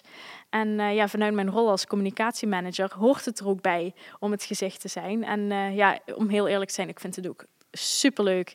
Weet je wat eh, een van mijn topervaringen was dit eh, jaar? Dat ik die livestream van de VIP-opening mocht presenteren. Vond ik fantastisch. Ja, ik, Ja. ik zag, ik zag inderdaad een video eh, van uur en twintig minuten of zo voorbij Ja. komen. Ja, ja, de, de, de, de live heb ik niet meegekeken, maar ik heb deze natuurlijk even een stukje, een stukje erin gekeken. En, dan Mhm. Jij met de microfoon en, Ja, en iedereen. en gaan. En ja. ja. Is dat dan iets waarvan ehm, je merkt als, als Toverland zijn, dus niet zozeer jij persoonlijk denkt van dit heeft een echt toegevoegde waarde om misschien wel vaker te doen? Ja, Buiten wie het feit dat je weet. natuurlijk niet ieder jaar iets opent, maar je hebt natuurlijk wel ieder jaar unieke evenementen. Ja, ik denk, ik denk wel dat het de toekomst is. Hè. We, doen, eh, we doen zoveel meer op social media tegenwoordig. En eh, ja, als je kijkt dan, eh, we, we hebben grote ambities en we willen ons ook graag meten met de grotere attractieparken. En dan hoort het er ook gewoon bij om van een opening een, ja, een, live, een livestream te doen. Ja, Ja, dat- een, dat een, online gewoon- en offline spektakel te maken. Ja, juist. ja, dat ja. zeg je mooi. Ja. Ja. Ja, gejat van Peter de Kuiper, lessen van gehad. en dergelijke. Ehm, maar dat is dan iets wat dan weer opgezet moet worden. Is dat dan ook Mhm. gewoon eh, eh, het marketingcampagne waar je dat dan gewoon intekent en zegt van... eh, we gaan dus die vlogs maken, we gaan ze die, die, die backstage tours geven en, Mhm. en uiteindelijk komt dat uit in een totale livestream en dat? Ja, je, je maakt absoluut een planning, want je wil dat het nieuws dat het mooi verspreid is. En ook dat als je iets naar buiten brengt, dat het ook wel een hoge nieuwswaarde heeft. Want inderdaad, de fans willen elk boutje en elk schroefje en zo eh, weten. Maar voor een krant moet er toch wat meer aan de hand zijn dan dat. Eh, en bij zo'n livestream, ja, het, het was echt eh, heel goed geregisseerd. Er was ook echt een, een regiewagen die achter de schermen stond. Er waren vier, camera, of, ja, vier camera's. Ik weet het al niet meer. En, eh, ja, en inderdaad een team dat mij volgde en een team dat al van tevoren naar de locatie ging. We hebben het ook van tevoren helemaal geoefend. En eh, ja, ik weet nog op de avond zelf was het zo spannend. Want eh, ik ging vlak voordat we live gingen, moest ik nog even gauw naar kantoor om andere kleren aan te doen. Een beetje, hè, een beetje eh, op te frissen, wat te eten. En toen kwam ik terug en toen waren ineens waren alle poorten afgesloten die normaal gesproken altijd open waren. Dus ik wist niet hoe ik tot bij die regiewagen moest komen. Eh, dus eh, dat eh, zorgde voor heel wat stress bij mij. En dat zorgde er ook voor dat die livestream vijf minuten later begon dan eigenlijk gepland was. Dus bij deze sorry aan alle mensen, het was mijn schuld. Ik kwam niet backstage omdat alle poorten op slot zaten. Maar goed, uiteindelijk waren we ruim op tijd. Waren we een- Het was niet al open, Ja. dus dat scheelt. Ehm, ja. Maar dan, dan, dan, dan plan je dus inderdaad de, hele bouw. Je plant daar een hele marketing omheen van hoe gaan we dat dan in de markt zetten. Hetgene wat marketing hoort te doen. En dan is het open. Ja. En dan? Is dat een, een, een zwart gat waar je dan in valt? Nou, ik dacht inderdaad dat ik in een zwart gat terecht zou komen. Maar eh, die, die, die achtbaan waar we al maanden in zaten, die ging gewoon net zo hard door. Want er kwamen midzomeravonden, er kwam hitte en we gingen dingen met siesta-tickets bedenken. We gingen andere marketingacties doen. En eh, ja, het, het ging maar door. Ik eh, ben zelf wel na de opening een paar dagen thuis gebleven om even uit te rusten van alles. Goed, zo slim. Ja, maar nee, we hebben een hele toffe, ja, ja, een heel tof jaar achter de rug. Want eh, zo- zoals ik je een beetje ken, hè, ik ken je Mhm. niet, niet zo persoonlijk, maar gewoon het volgen van, van Twitter en, en de socials. eh, je zit vol energie. Ja. Is dat een nadeel? Of echt alleen maar een voordeel voor jezelf persoonlijk? Ehm, Voor het dat, bedrijf is het een, een positief iets, dat weet ik. ja, gewoon- het, het is wel heel positief om Ja. gewoon eh, een energieke uitstraling te Ja. hebben. Want ja, laten we eerlijk zijn, ik heb ook echt een droombaan. Eh, voor mezelf kan het soms een eh, valkuil zijn, want ik wil altijd heel veel energie aan iedereen Mhm. geven. En soms eh, word ik daar dan net iets te moe van, ga ik net even over het randje en dan moet ik soms even een stapje terug doen. ja. En dan, dan na, na, na zo'n drukke aanloopperiode en, en de livestream, wat natuurlijk ook andere energieën opwekt, Ja. is dan wel goed om, om thuis te blijven. Is dat iets waar binnen, binnen zo'n bedrijf ook naar wordt gekeken van oké, hoe kunnen we de, de medewerkers, tussen, ja, klinkt nu heel stom en heel Mhm. slecht, sorry mensen, zo bedoel ik het niet, Komt u maar door. optimaliseren? Ja, daar Om- wordt absoluut naar gekeken. De, de medewerkers zijn in Toverland het allerbelangrijkste. De medewerkers die hebben het contact met de gasten en die zorgen voor een optimale beleving. Dus je moet ook zorgen dat je medewerkers optimaal Ja. kunnen functioneren. En eh, ja, afgelopen zomer kwam dat soms een beetje in het gedrang, omdat we allemaal heel hard hebben moeten Mhm. werken. Maar ehm, ja, op het moment dat, dat je dan even een stapje terug moest zetten, of eh, dat zelfs tegen je gezegd werd van blijf maar een paar dagen thuis, dan, eh, dan was die ruimte er ook echt. Het mooie is dat, dat ja, we zijn een familiebedrijf, maar ook de mensen die niet qua bloed, qua DNA met mij verbonden zijn, die voelen ook als mijn familie. Mhm. En eh, voor je familie ga je door het vuur. Dus als de ene het even zwaar had, dan ving de andere het wel weer op. Ja, we hebben echt het samen, samen, gedaan. samen naar het, het, het nieuwe gedeelte toe, of Ja. nieuwe gedeelten toe. Ja. Ehm, als je dan nu kijkt naar, naar hoe, hoe de, de, de medewerkers in Nederland, überhaupt de werknemers van Nederland worden behandeld. Mhm. Veel die gaan tegenwoordig staken en eh, ze willen meer ruimte, meer geld en meer eh, rust. Ja. Ehm, hoe, hoe gaan jullie daar dan mee om? Is dat eh, buiten dat goed verankerd is? Want je zegt al, de familie staat voorop en daar horen zij bij. Ehm, is, is, is daar een bepaalde afweging van? Is het eh, een bepaalde balans gevonden van? eh, want is er een CAO? Of is Ja. dat gewoon voor, voor jullie zelf? Of is er een, gewoon landelijk is themapark CAO? Ja, wij, wij vallen inderdaad onder de CAO van de dag, eh, dagattracties. ja. Die is er. Maar ja, met de schaalgrootte die Toverland heeft, hebben wij natuurlijk ook een OR, een ondernemersraad. En ja, de OR die, die kaart regelmatig eh, dingen aan bij onze directie. En daar wordt heel serieus naar geluisterd. En dan wordt over en weer worden, worden voorstellen over be- bepaalde onderwerpen gedaan. Ja. Ja, want ik vind dat wel heel. eh, eh, ik heb 13 jaar als een werknemer mogen werken. Mhm. Ehm, ik vind het altijd heel bijzonder hoe dat gaat. Vaak worden dingen opgelegd. Dan denk ik van ja, maar toch heel vreemd hoe dat binnen deze maatschappij zo. Als je dan tegen iemand zegt van ik moet even een dag rust, dan is het meteen half paniek. Nee, dat kan niet, want het wordt, je staat op de planning. Oh nee hoor. Nee, bij ons is het eerder van eh, dat, dat iemand er alweer is en dat ze hebben gezegd van had nou toch die extra dag rust Ja. genomen. Iedereen wil bij Toverland zo graag werken dat, dat soms eerder de mensen even afgeremd moeten worden. Ja. En eh, dat, dat, dat afremmen, dat gebeurt dan ook. Mhm. En dan, dan krijgen ook de, de, de, de mensen wat rust. Nou, is niet iedere dag even druk. Hè? Ja. Dus dat, dat, dat helpt natuurlijk ook dat er niet iedere dag. eh, ehm, er wordt wel het maximale verwacht, maar niet de maximaal aantal mensen op de, op de vloer, zo moet ik het zeggen. Ja. Ehm, dan, dan krijg je daar een goede balans in. Eh, hoeveel werknemers zijn hier nu? Zo Nou, ongeveer? we hebben meer dan 100 medewerkers in vast dienstverband en dan nog 500 op eh, hulpkrachtenbasis. ja, dus, want, eh, want dat is bepaalde gigantisch. dagen zijn iets drukker dan de andere. Ja, kijk, in, de, in het hoogseizoen, onze Ja. drukste dag had meer dan 14.000 bezoekers. En nu op zo'n door de weekse dag in de winter, waarop er geen vakantie is, dan heb je misschien 200, 300 bezoekers. Dus die contrasten zijn enorm. Dat, Ja. is, dat is heel groot. Ja, Ehm, je zegt al, dan zijn er 200, 300 bezoekers. Zijn die open toch? Wel. Eh, is het al tien uur? Als we... Half elf. Het is half elf, dus eh, dan eh, is het Toverland open. Dus dan als het dus- goed is, lopen er al bezoekers rond. Maar, dan is eh, het echt gewoon supergoed geïsoleerd hier. Ja, dat was niet, niet opgevallen. Eh, nee, want dat was wel een puntje wat ik heb opgeschreven gisteren. En dat kwam eigenlijk door een frustratie die ik deze zomer had. mhm. Ik kocht heel toevallig tickets voor eh, Walibi. Dat gebeurt nooit. Maar ik dacht, ik heb misschien nog een paar vrije dagen in het najaar. Eh, ik koop even tickets. Het ding is gewoon niet open. Door de week. Ja. Die zijn gewoon een weekend alleen open. Wat is, wat is dat?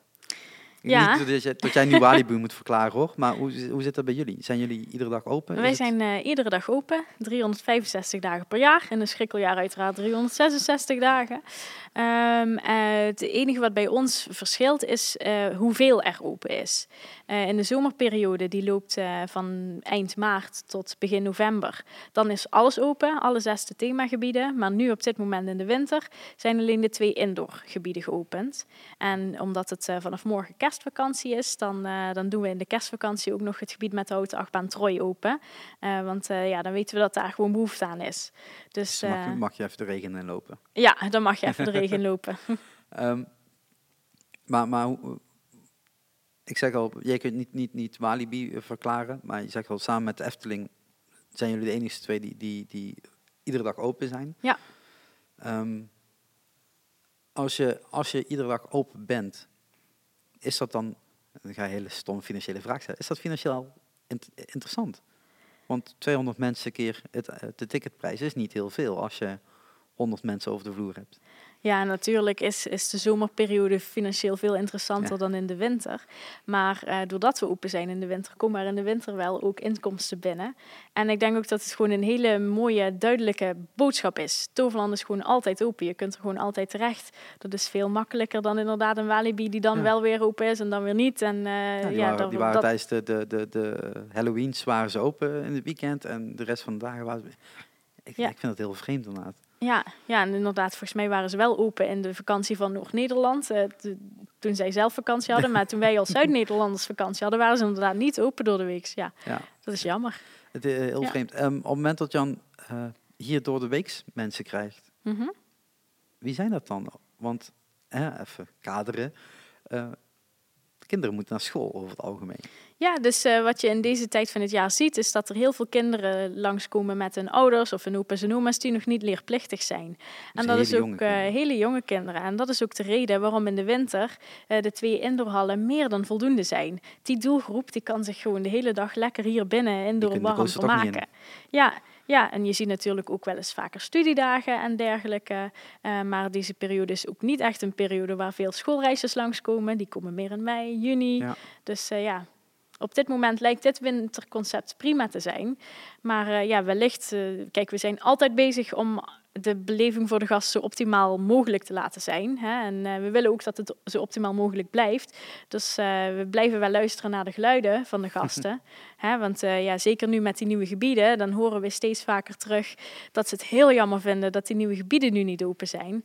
Dus ja, ik sluit niet uit dat we in de toekomst nooit weer meer zullen gaan openstellen in de winter. Nee, maar Ja. meer openstellen betekent meer personeel. Dat betekent ook dat er meer bezoekers moeten zijn om dat Ja. Financieel haalbaar te, halen, te Klopt, maken. Natuurlijk. Dus klopt. gewoon meer mensen naar Toverland en dan Meer open.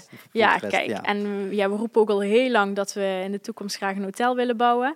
Eh, en ja, op het moment dat het hoteljaar rond bezet is, dan eh, ja, moet je daar natuurlijk ook qua capaciteit rekening mee Ja. houden. Ja. Ehm, wat zijn jullie openingstijden dan? Zo in, eh, is dat een verschil dan nog tussen? Ja, Winter we, we zijn altijd vanaf 10 uur geopend. En maar de eindtijd, dat is een beetje afhankelijk van het seizoen. Vandaag zijn we bijvoorbeeld tot 5 open. In de kerstvakantie zijn we standaard tot 6 open. Afgelopen zomer waren we standaard tot 7 open. Eh, en tijdens de speciale evenementen, zomeravonden, Halloween nights, dan zijn we tot 11 uur open. Ja. Is dat nog eh vergunning technisch? Moet Ja. je dat bij de gemeente aankloppen en zeggen van jongens, we willen deze, deze da- dagen iets speciaals gaan Ja, absoluut. Ja, ja, we hebben een x-aantal dagen per jaar waarop we dan langer open mogen zijn. Ja. Je zou eigenlijk willen dat de gemeente zegt, carte blanche, veel plezier. Nou, nee, dat denk ik ook weer niet. Nee, want, dat, eh, dat is aan jullie om, om dan het juiste in te plannen.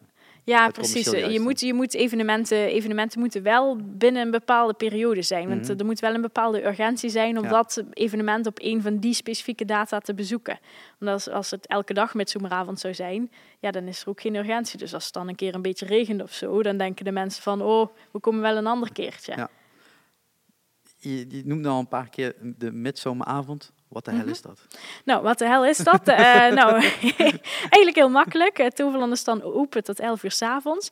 En eh, ja, vanaf eh, ergens in de middag dan eh, hebben we allerlei extra entertainment acts. Denk aan bandjes, denk aan... ehm, oh, wat hadden we vorig jaar? We hadden bijvoorbeeld een, een vuurspuwer bovenop eh, het stationsgebouw van de Houten Achtbaan Oké. Troy.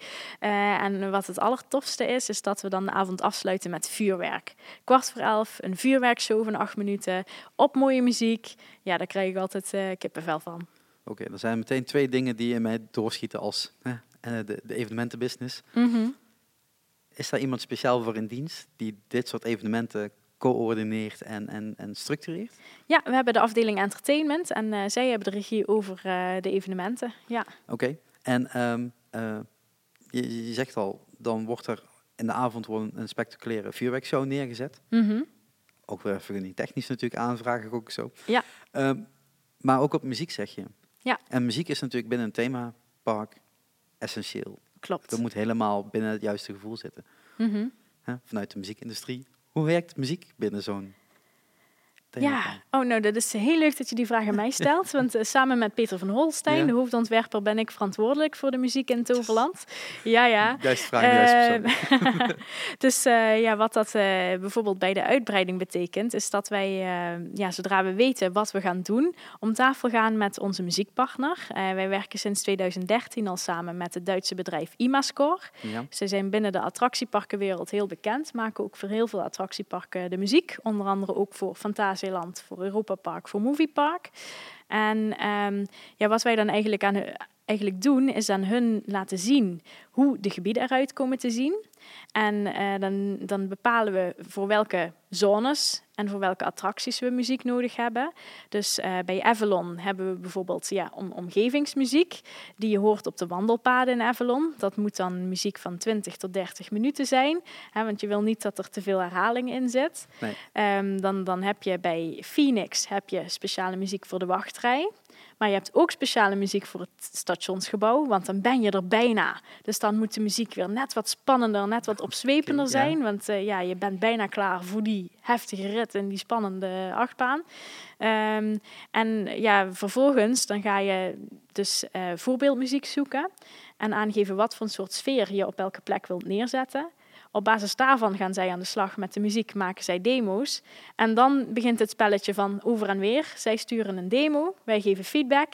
Zij verwerken die feedback in de volgende demo. En dat net zo lang tot we allemaal tevreden zijn. Dus eh, ja, het is een enorm proces. eh, en ja, muziek speelt echt in op het gevoel. En eh, soms is het zo lastig. Ehm, als je bijvoorbeeld, eh, om de stationsmuziek van Phoenix als voorbeeld te Mhm. pakken. Ze hadden een heel muziekstuk klaar van 10 minuten lang, want zo lang duurt het daar. Eh, en, en Peter en ik hadden echt zoiets van, hm, nee, dit is het niet. Het moet, eh, het moet, er moet veel meer uptempo in. En nou, met, eh, met die feedback hebben ze een heel nieuw stuk van 10 minuten gemaakt. En dat is veel werk, mensen. En dat is heel veel werk. En we luisterden het en toen zeiden we tegen elkaar van... Oh shit, we hebben een fout gemaakt. De vorige demo was veel beter.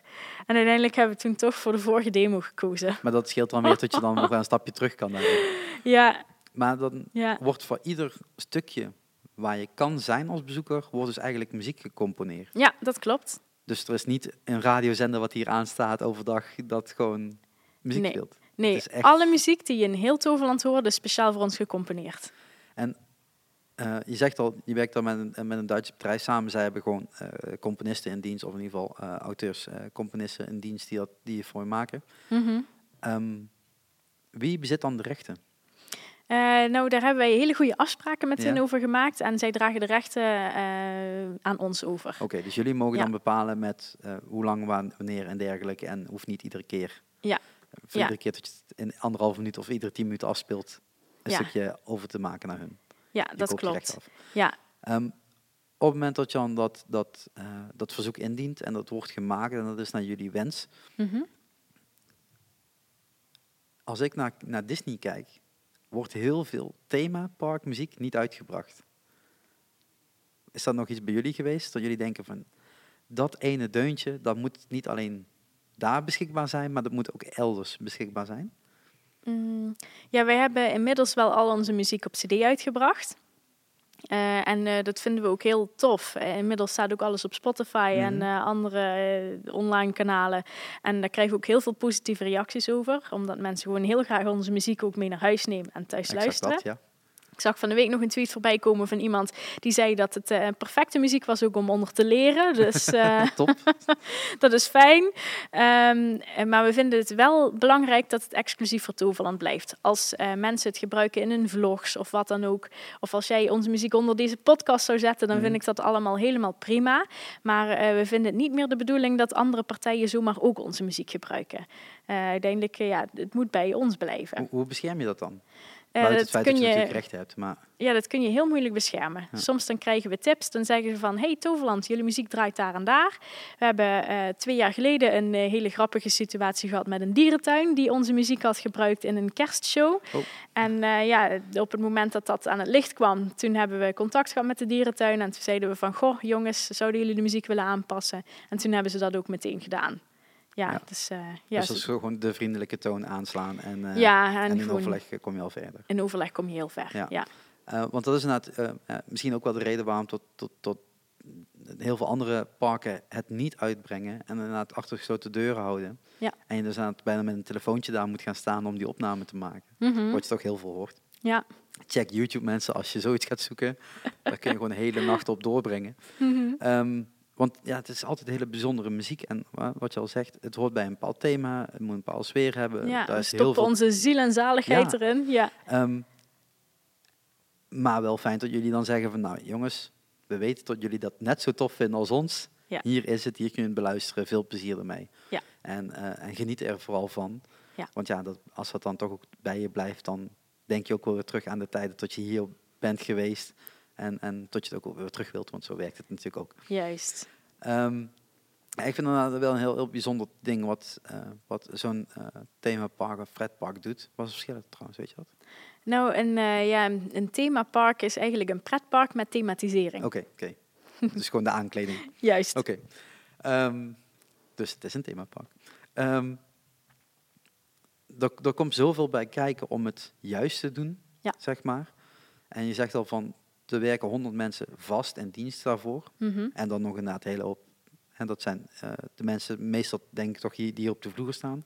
Die het uitdragen en die het... eh, Ja, ja, van de Ehm, 100 medewerkers in ja. vaste dienst, dus heel veel back-office. ja, Ehm, maar ook, eh, ook. ja, maar de mensen die op de vloer staan, dat zijn alle, al die 500 hulpkrachten. Ja. Ehm, je moet er allemaal samen, samen naartoe werken. Je moet allemaal samenwerken naar, naar het nieuwe gedeelte toe. Je moet allemaal samenwerken om, om iedere dag goed door te komen. Want er kan van alles gebeuren natuurlijk. Ja. Als er opeens een coaster eh, stilvalt, dan eh, zijn heel veel mensen niet blij. Want ja, ik heb wel een ticket gekocht. En, eh, ja, dat klopt. Ja. Ehm, hoe, hoe, hoe structureer je zo'n groot bedrijf? Ik snap dat het niet jouw functie is, maar nou, hoe wordt dat aangestuurd vanuit andere kanten? Ja, wat, wat belangrijk is eh, om alle neuzen dezelfde kant op te krijgen, is dat je bedrijf een duidelijke visie heeft en een duidelijke missie. En eh, ja, onze visie is eh, het creëren van magische gelukservaringen. En we hebben een aantal kernwaarden waar je als Toverland-medewerker aan moet voldoen om hier te mogen werken. Ehm, en ja, wat, wat wij eigenlijk doen, is dat wij elke dag op die visie blijven terugkomen.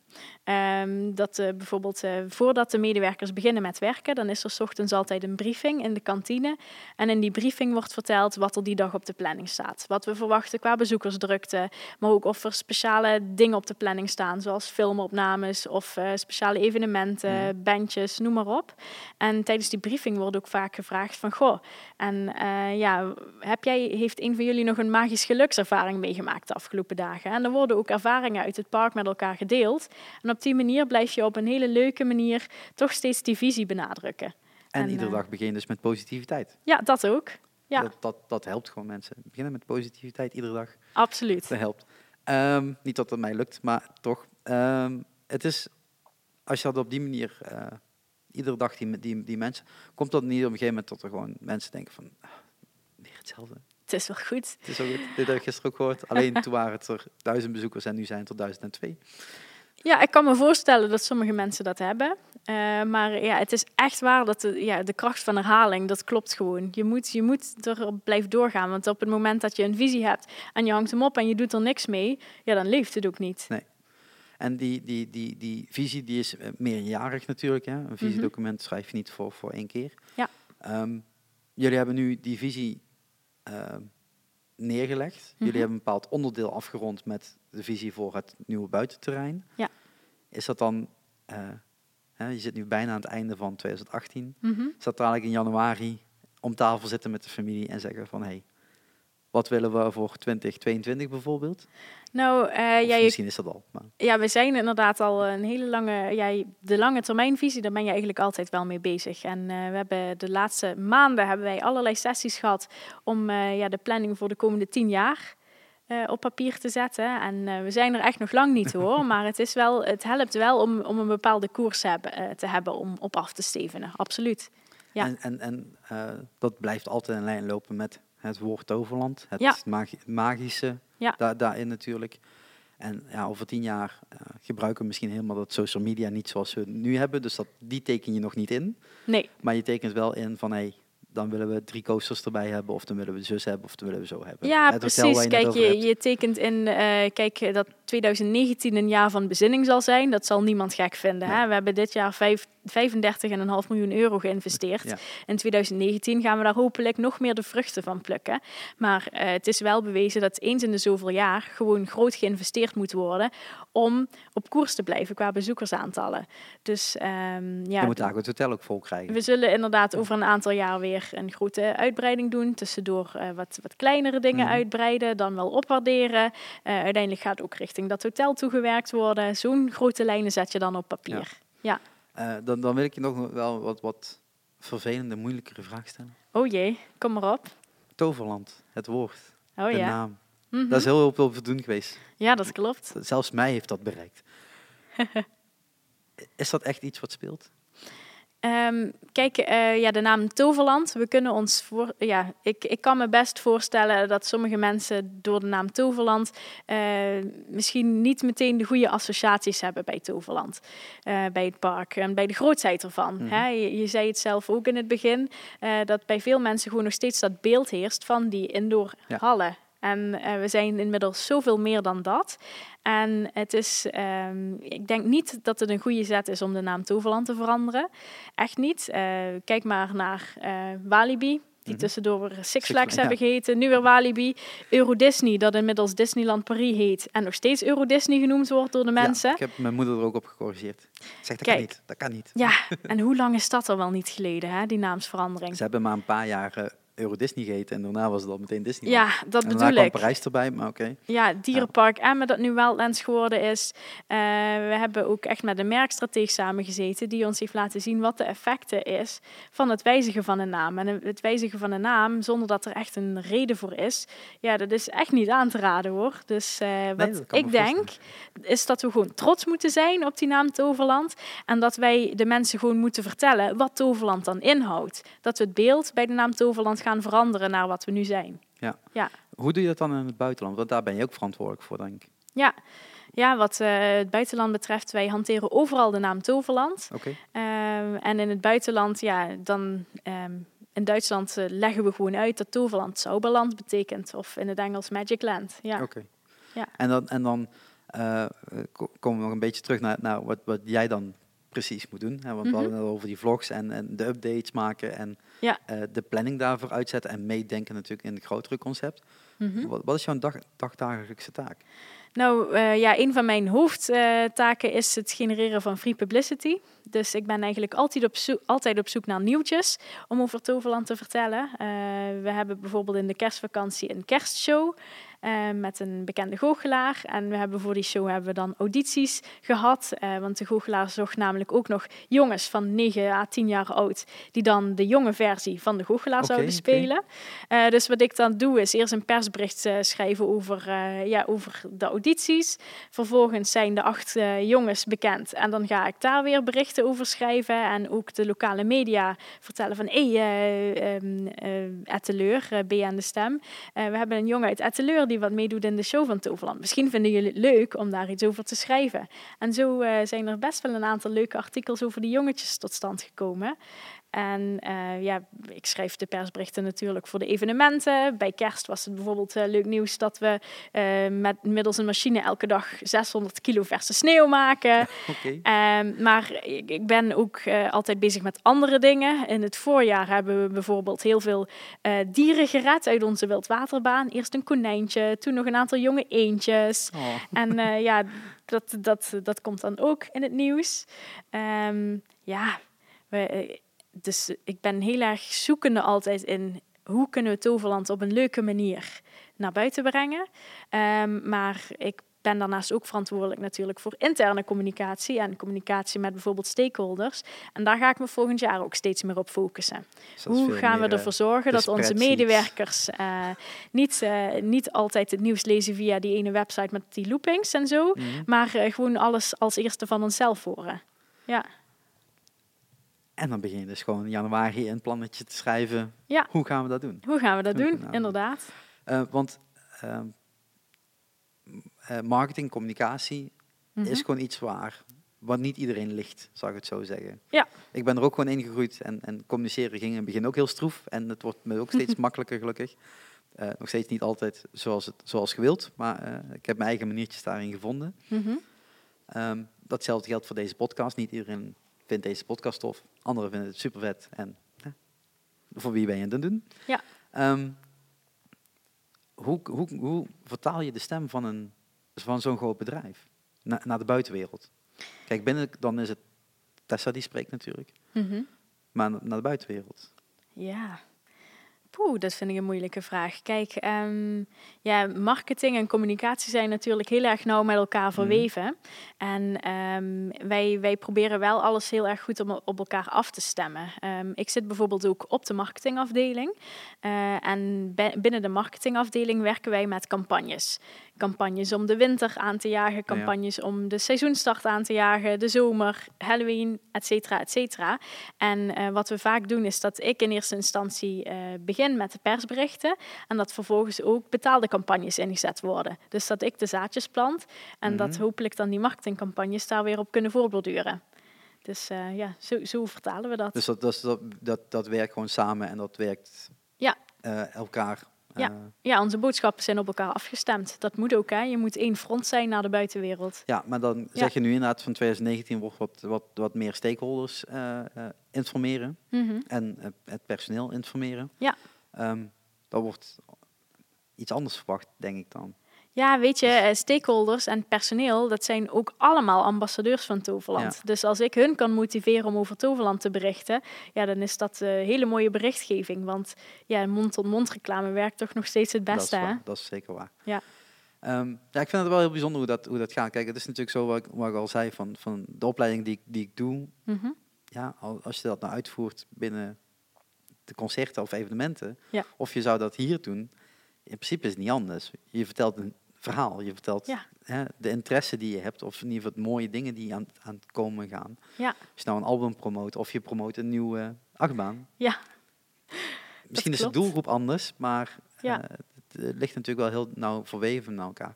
Ik vind het wel heel interessant hoe je dat, eh, hoe je dat aanpakt en hoe je dat, dus jij het gezicht bent geworden daarvan. Mhm. En hoe je dan jezelf daar eh, eh, de eh Toverland-ervaring in showcased. Hè, hoe dat dan overkomt.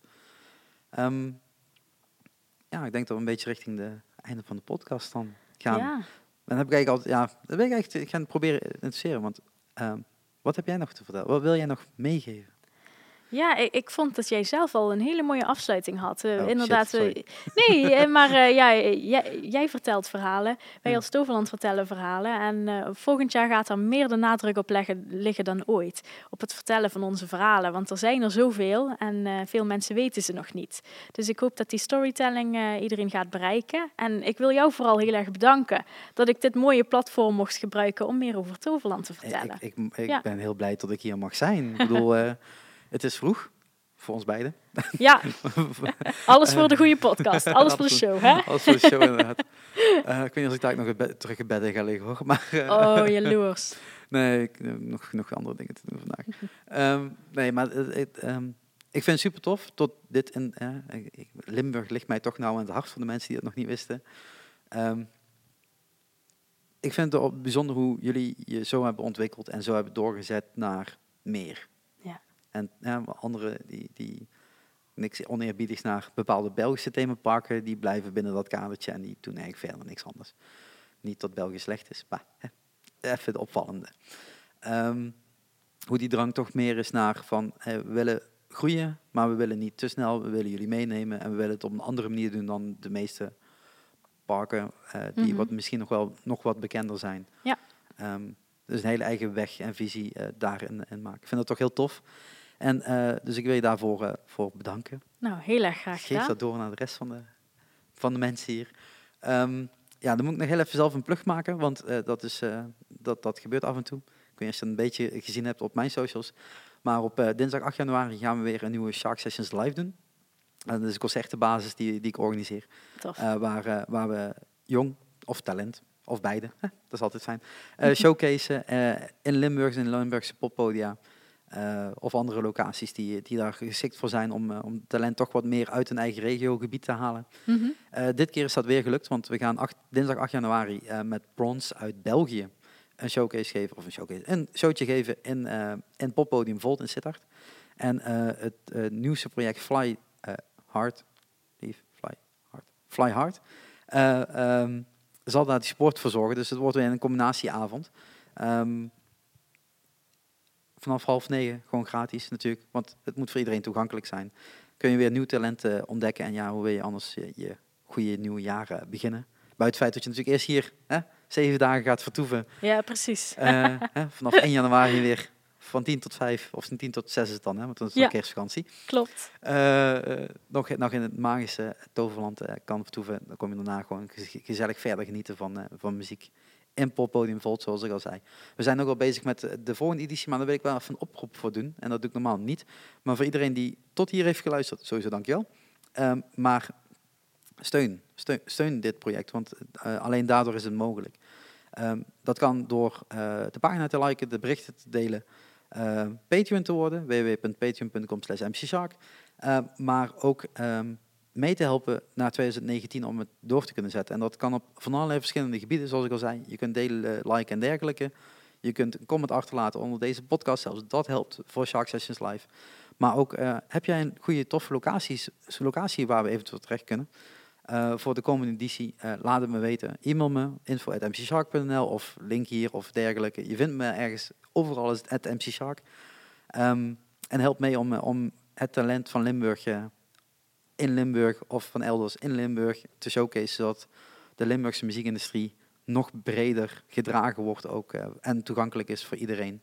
Want ja, de bandjes moeten betaald krijgen, dat wordt heel vaak niet. Eh, maar bezoekers moeten natuurlijk ook niet te veel betalen om binnen te komen. Net zoals hier in het park. Gewoon een mooie prijs wordt gevraagd voor een mooie beleving. Eh, is het bij ons gewoon, voor dat uurtje hoef je niet iets te betalen. Dat mag wel, mag wel. Maar hoeft niet, je kunt gewoon erbij komen. Eh, iedereen is welkom, eh, dus, eh, dus wees op 8 januari erbij. En dan ben ik eigenlijk door alles heen.